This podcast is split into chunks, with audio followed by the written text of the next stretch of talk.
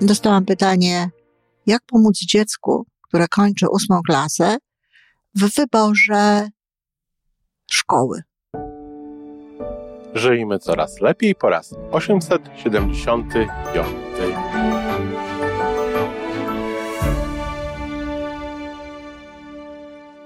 Witamy w miejscu, gdzie wiedza i doświadczenie łączą się z pozytywną energią. Nazywam się Iwona Majwska-Piołka. Jestem psychologiem transpersonalnym, wspierającym rozwój osobisty i duchowy. A ja nazywam się Tomek Kniat. Nie jestem psychologiem, jestem techniczny, jestem adeptem rozwoju osobistego, bardzo to lubię. Razem tworzymy podcast, właśnie ten, którego słuchanie powoduje, że naprawdę żyje się coraz lepiej. Wiemy to, bo tak nam mówią nasi słuchacze. Zapraszamy do wysłuchania kolejnego odcinka i mamy nadzieję, że nowe głosy dołączą do tych, że warto nas słuchać.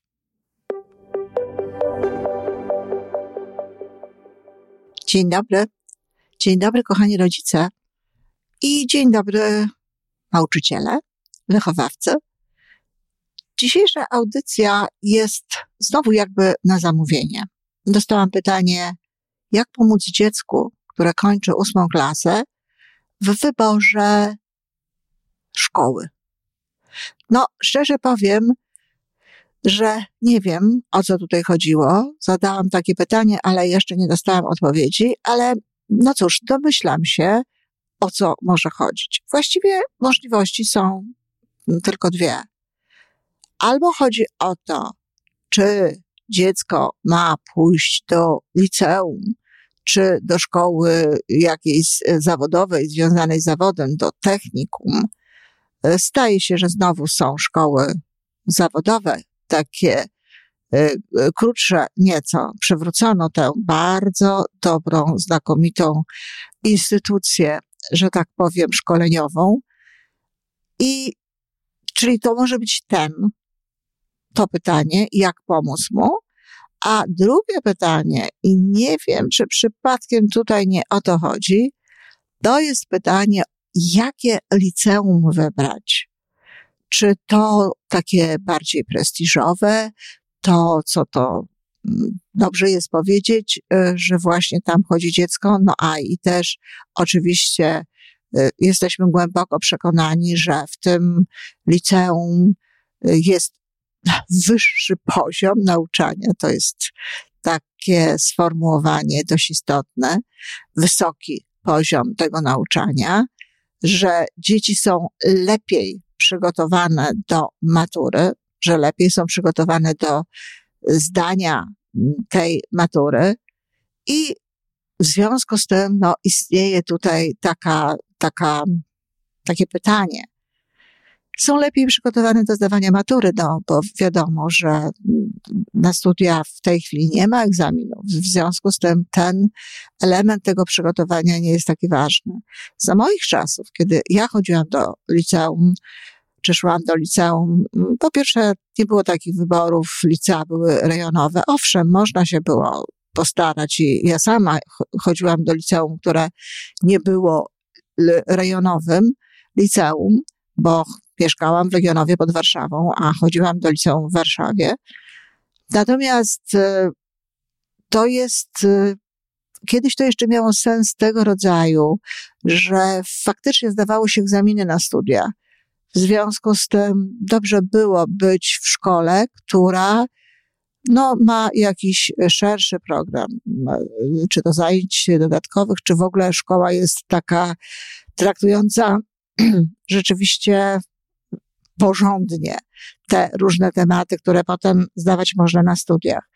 Ale i tak spotykałam potem na wydziale ludzi, którzy chodzili do bardzo różnych szkół w bardzo różnych miejscach i jednakowoż studiowaliśmy potem na jednym wydziale. Zresztą na, nawiasem mówiąc, to, że poszłam do szkoły właśnie w Warszawie, że bardzo chciałam i prosiłam o to moją mamę, uważam za jeden ze swoich błędów w życiu. Uważam za jedną z tych rzeczy, która e, lepiej byłoby, żeby się nie zdarzyła. Właściwie jedyną rzeczą, jaka z tamtych czasów mi została, to przyjaciółka, którą mam do dziś, wspaniała kobieta. I może właśnie po to miałam chodzić do tej szkoły, albo jeszcze po inną rzecz, ale to tutaj nie będę tego mówiła. Każdym razie to jest ta druga opcja. Dobra szkoła. No, w, pewnie w różnych miejscach na świecie. Myślę, że podobnie może być w, w Kanadzie, aczkolwiek tutaj to raczej nie dotyczy ludzi tak grymialnie jak w Polsce, ale to, to, to dobra szkoła no, jest jakimś takim czasami wręcz obsesyjnym podejściem rodziców. E, najpierw to przedszkole wybiera się jakieś rewelacyjne, potem szkołę podstawową i wreszcie te, te średnie szkoły. E, nie uważam, żeby to było takie dobre. Zatem nie bardzo wiem, jak mogłabym pomóc komuś w odpowiedzi na pytanie, jak pomóc dziecku wybrać szkołę, jeśli to chodziłoby o to. Natomiast jeśli chodzi o sprawy związane z zawodem, kim to dziecko miało być, to jeśli w ósmej klasie a mama czy tata nie wiedzą, co dziecko lubi, czym dziecko się naprawdę pasjonuje, co jest dla niego naprawdę wartą, wa jakąś istotną rzeczą, no to znaczy, że trochę tak nie bardzo to dziecko znają.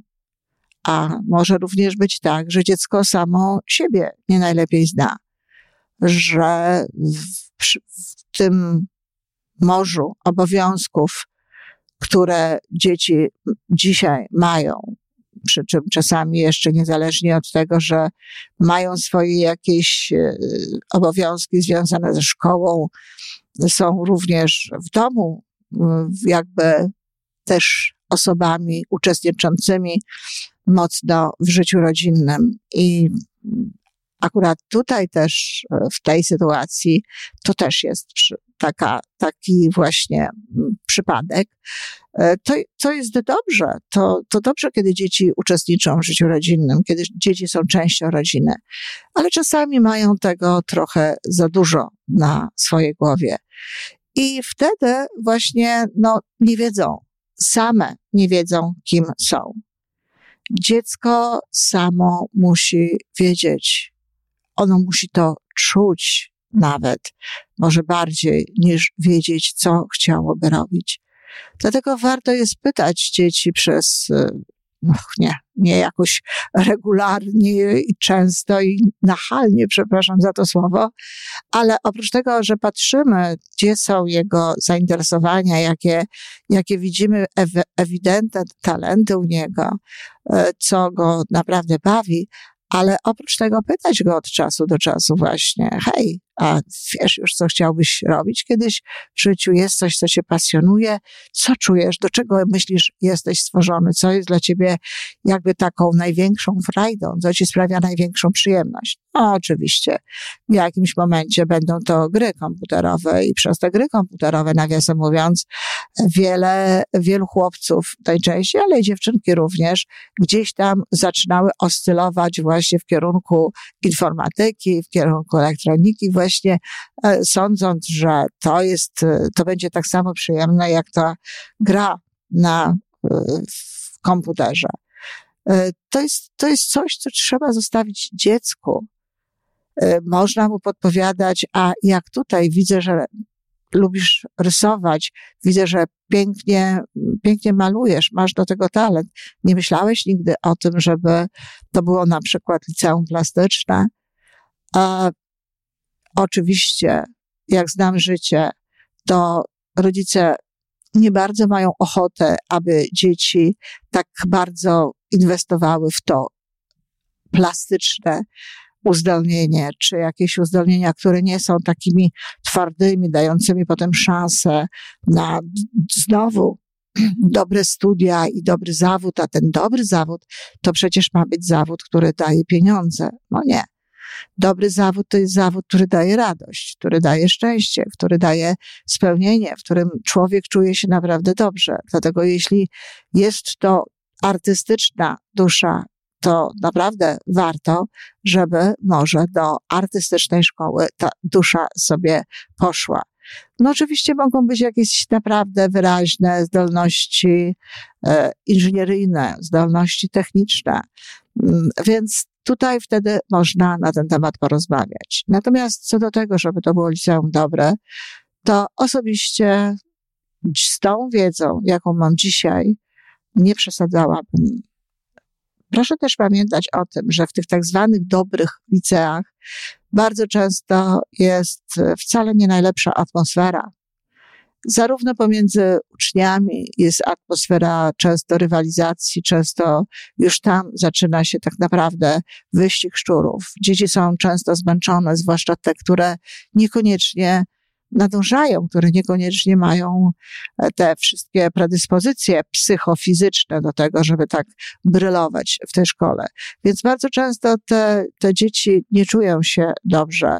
E, są też często traktowane nie najlepiej przez swoich kolegów czy koleżanki, dlatego że też bardzo często w tych takich dobrych e, liceach, ja w cudzysłów wstawiam to słowo dobrych, sporo jest dzieci z domów bogatych, z domów zamożnych, bardzo zamożnych. No a z tymi dziećmi też jest różnie. Są oczywiście fantastyczne dzieciaki, ale są też takie dzieciaki, które wykorzystują jakby siłę pieniędzy swoich rodziców. Niestety również do tego, aby y, życie innych kolegów było w tym momencie gorsze. Nauczyciele, jak to nauczyciele, no jak to ludzie w ogóle, także są bardzo różni i często właśnie zdarza się tak, że dzieci również od mm, nauczycieli e, nie dostają takiego, takiego zainteresowania i takiego e, wzmocnienia, jakie byłoby im potrzebne do tej nauki. Nauczyciele są również zainteresowani, bo tak funkcjonuje szkoła tym, aby najlepsi byli tutaj e, wsparci, aby mm, ci, co biorą udział w olimpiadach i w innych e, jakichś konkursach, dostali wszystko, co jest im potrzebne. Bo to jest to, z czego taka szkoła, szkoła się rozlicza. To jest to, co potem taka szkoła ujmie w raportach i w różnego rodzaju marketingowych ogłoszeniach. Nie wiem, czy y, tak zwana dobra szkoła, w sensie właśnie, że tam podobno lepiej uczą, jest tak naprawdę taką sprawą istotną. Nie tyle jest ważne, do jakiej szkoły się chodzi, ile to, jaka jest y, atmosfera domu, jeśli chodzi o naukę, a także to, czego dziecko tak naprawdę chce. Oczywiście wiele osób powie wam, że lepiej jest być no, średnim zawodnikiem, czy nawet nie najlepszym zawodnikiem w znakomitej drużynie, niż znakomitym e, zawodnikiem w takiej drużynie średniej. To znaczy, chodziłoby tutaj o to, że lepiej jest być właśnie nawet średnim uczniem w tej dobrej szkole, w tej szkole, która ma jakieś rewelacyjne wyniki jako szkoła, niż takim bardzo dobrym uczniem w tej szkole, która taka nie jest. Ja tak nie uważam. Ja uważam, że na rozwój człowieka, na jego motywację, na to, jak on się czuje, nie ma wpływu to, w jakiej on jest szkole, i tylko właśnie ma wpływ to, jak on wywiązuje się z tego, czego się od niego wymaga, jak on się czuje i jak on, jakby jaka jest jego relacja e, z tą szkołą i z tym wszystkim, co jest dookoła. Proszę pamiętać, że okres szkoły średniej to jest bardzo ważny okres w budowaniu emocji, w przeżywaniu pierwszych miłości, może nawet czasami już nie pierwszych, ale już takich, gdzie, e, gdzie to jest jakby zrozumiałe i uzasadnione. Dzieci muszą się gdzieś uczyć tej miłości, muszą mieć pole do doświadczenia różnego rodzaju też społecznych sytuacji. W związku z tym, jeśli jest się w szkole, w której trzeba się bardzo dużo uczyć, żeby sprostać chociażby temu wszystkiemu, czego się wymaga, ale też temu e, wyścigowi, tak, tej, tej, tej konkurencji, no bo jeśli dziecko jest ambitne albo jeśli ma ambitnych rodziców, którzy go popychają, no to będzie chciało gdzieś e, jakoś dobrze wyglądać w tych różnego rodzaju konkurencjach i rankingach, to wtedy jest mniej czasu. Jest mniej czasu na takie życie społeczne, jest mniej czasu także na to życie y, rodzinne. Zatem warto się nad tym zastanowić, czy to jest naprawdę tak istotne, czy ta wiedza akademicka, czy ta nauka akademicka to jest taką ważną sprawą. Ja pamiętam takie powiedzenie, które usłyszałam bardzo dawno temu, które mnie samej dało e, bardzo dobrze, dużo do zrozumienia. Uczniowie, to jest amerykańskie powiedzenie, tam było zamiast e, stopni literki, ale ja to zamieniam na stopnie i zamieniam to na starą skalę. Nie mówię tu o szóstkach, i bo to są nadzwyczajne jakby oceny. Mówię o tych ocenach, kiedy dwójka była najniższa, a piątka najwyższa. Uczniowie piątkowi uczą czwórkowych, jak mają pracować dla trójkowych. Teraz wiecie już, mam nadzieję, z tych moich podcastów, że same pieniądze, zarabianie samych pieniędzy, pieniędzy nie jest dla mnie jakąś wielką wartością. Natomiast jeżeli to są zarabiane pieniądze w, w, z poczuciem zadowolenia, z poczuciem pasji, z poczuciem zainteresowania tym, co się robi, taką przyjemnością, to tak. I co znaczy to powiedzenie? No przede wszystkim to, że właśnie te osoby, e, które miały w szkole trójki, lepiej się mają e, finansowo, no, ale też świadczy to dla mnie przede wszystkim o tym, że te osoby są bardziej zdolne do tego, aby robić coś w społeczeństwie. Bo co to znaczy uczniowie piątkowi uczą czwórkowych? No to znaczy, że ci uczniowie piątkowi bardzo często idą na uniwersytety, kończą różnego rodzaju, rodzaju e, wydziały, i są potem trenerami, są potem osobami, które uczą albo gdzieś tam w szkołach, albo na uczelniach, albo nawet są różnego rodzaju, rodzaju doradcami e, osób, które po prostu zwyczajnie, najnormalniej pracują. Takie właśnie osoby czwórkowe, które pracują w różnych miejscach, na różnych stanowiskach, specjalnie się mm, nie wyróżniając, choć czasami również wyróżniając i robiąc karierę, ale nie są tymi nauczycielami, nie są tymi ekspertami, nie są tymi, którzy jakby y, tworzą te, te, te kadry. Natomiast y, uczniowie trójkowi mają swoje biznesy. Uczniowie trójkowi założyli sobie firmę bardzo szybko, rozbudowali tę firmę i mają do czynienia z ludźmi, którzy po prostu w sumie dla nich pracują. Oczywiście każda rzecz jest, każdy sposób jest dobry, jeśli ludzie się w tym znajdują, jeśli się chcą w tym znajdować. Natomiast pokazuje to coś innego, bardzo istotnego.